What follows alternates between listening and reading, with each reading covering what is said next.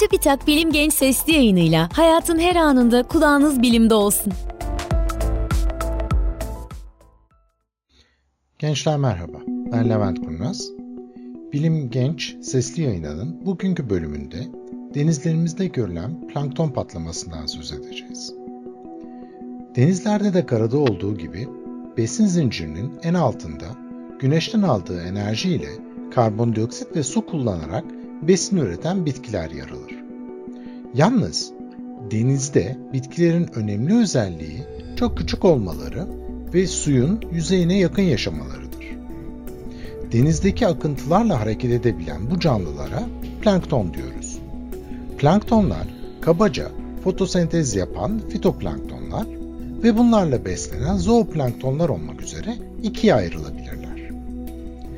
Denizlerde su ve karbondioksitin her zaman var olduklarını düşünürsek, fitoplanktonların çoğalmalarını sağlayan unsur ışık ve besindir. Aynı karadaki bitkiler gibi fitoplanktonlar da bahar aylarıyla birlikte yeterli ışık bulup canlanırlar. Kış aylarına doğru da yeterli ışık olmadığından sayıları azalır. Normal şartlarda fitoplanktonları besleyen mineraller denizin yüzeyi soğudukça derinlerdeki suyla yüzey suyunun karışması nedeniyle kış aylarında çok fazla, yaz aylarında da çok az bulunurlar.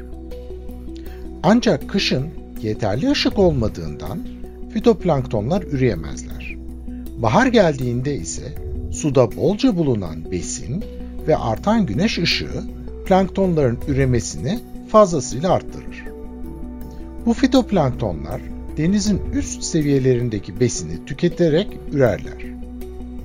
Besin tükenmesine yakın, bunları yiyen zooplanktonların sayısı da artınca fitoplanktonlar azalır.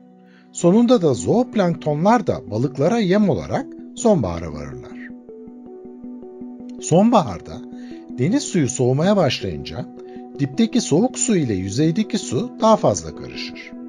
Besin miktarındaki bu artış fitoplankton sayısında da artışa neden olur. Ama kışa doğru gidildiğinde ışık azalır ve fitoplankton miktarı da düşer. Bu bizim yaşadığımız enlemlerde doğanın dengesidir. Fitoplankton sayısının en yüksek olduğu ilkbaharın sonunda balıklar da üremeye başlarlar. Bu şekilde balık yavruları yumurtadan çıktıklarında çevrelerinde bol bol besin bulurlar ve onların büyümesi gerçekleşir. Besin zincirinin en üstündeki bizler ise balıkların yeterince büyümelerine fırsat tanıyacak olursak ve hepsini nesillerini tüketecek kadar avlamazsak bu döngü ertesi senede devam eder. Ekvator civarında ise deniz suyu her zaman sıcak olduğundan yüzeydeki sıcak ama besinden yoksun olan suyla derinlerdeki soğuk ama besin dolu su neredeyse hiç karışmaz. Bundan dolayı da ekvatora yakın enlemlerde çok az balık bulunur. Bu balıkların önemli kısmı da mercan resifleri gibi sığ sularda yaşar. Bunun tam tersinde kutup bölgelerine gidecek olursak deniz daima soğuk olduğundan dipteki soğuk ama besin yüklü su ile yüzeydeki soğuk ama fazla besleyici olmayan su devamlı karışır. Bundan dolayı da her mevsimde besin bulmak kolaydır. Yalnız çoğu zaman güneş ışığı olmadığından fitoplanktonlar ve dolayısıyla da balıklar ancak güneşin göründüğü çok kısa bir dönemde üreyebilirler. Denizdeki besinden bahsederken anlamamız gereken, yüzeyde yaşayıp öldükten sonra dibe çöken planktonlardan ve balıklardan arta kalanlar olduklarıdır. Ancak insanlık dünyayı kapladıktan sonra denizlere de oldukça fazla atık saçmaktadır. Özellikle de fitoplanktonlar aynı karadaki bitkiler gibi azot ve fosfor içeren gübreye bayılırlar. Tarlalarda fazlaca kullanılan gübre yağan yağmurlarla yıkanıp denizlere ve göllere ulaştığında denizlerdeki fitoplanktonlar da bununla bayram ederler. Çünkü yüzeyden akıp gelen bu besin sayesinde denizin üst kısmındaki suyla alt kısmındaki suyun birbirine karışarak dipten besin taşınmasını beklemelerine gerek kalmaz. Ayrıca su ne denli sıcak olursa bu fitoplanktonların da üremesi o denli kolaylaşır ve hızlanır.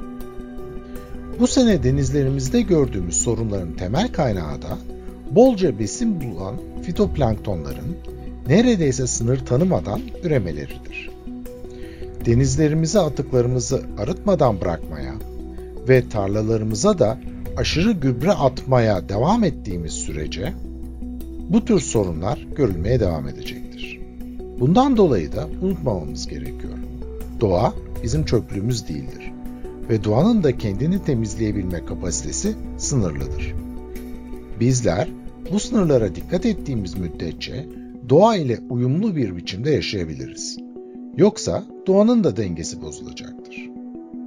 Doğanın dengesinin bozulması ise tüm canlılarla birlikte bizim de sağlıklı bir hayat yaşamamızı güçleştirecektir. Bir sonraki sesli yayında bilim alanındaki değişik problemlerden bahsetmek üzere hoşçakalın.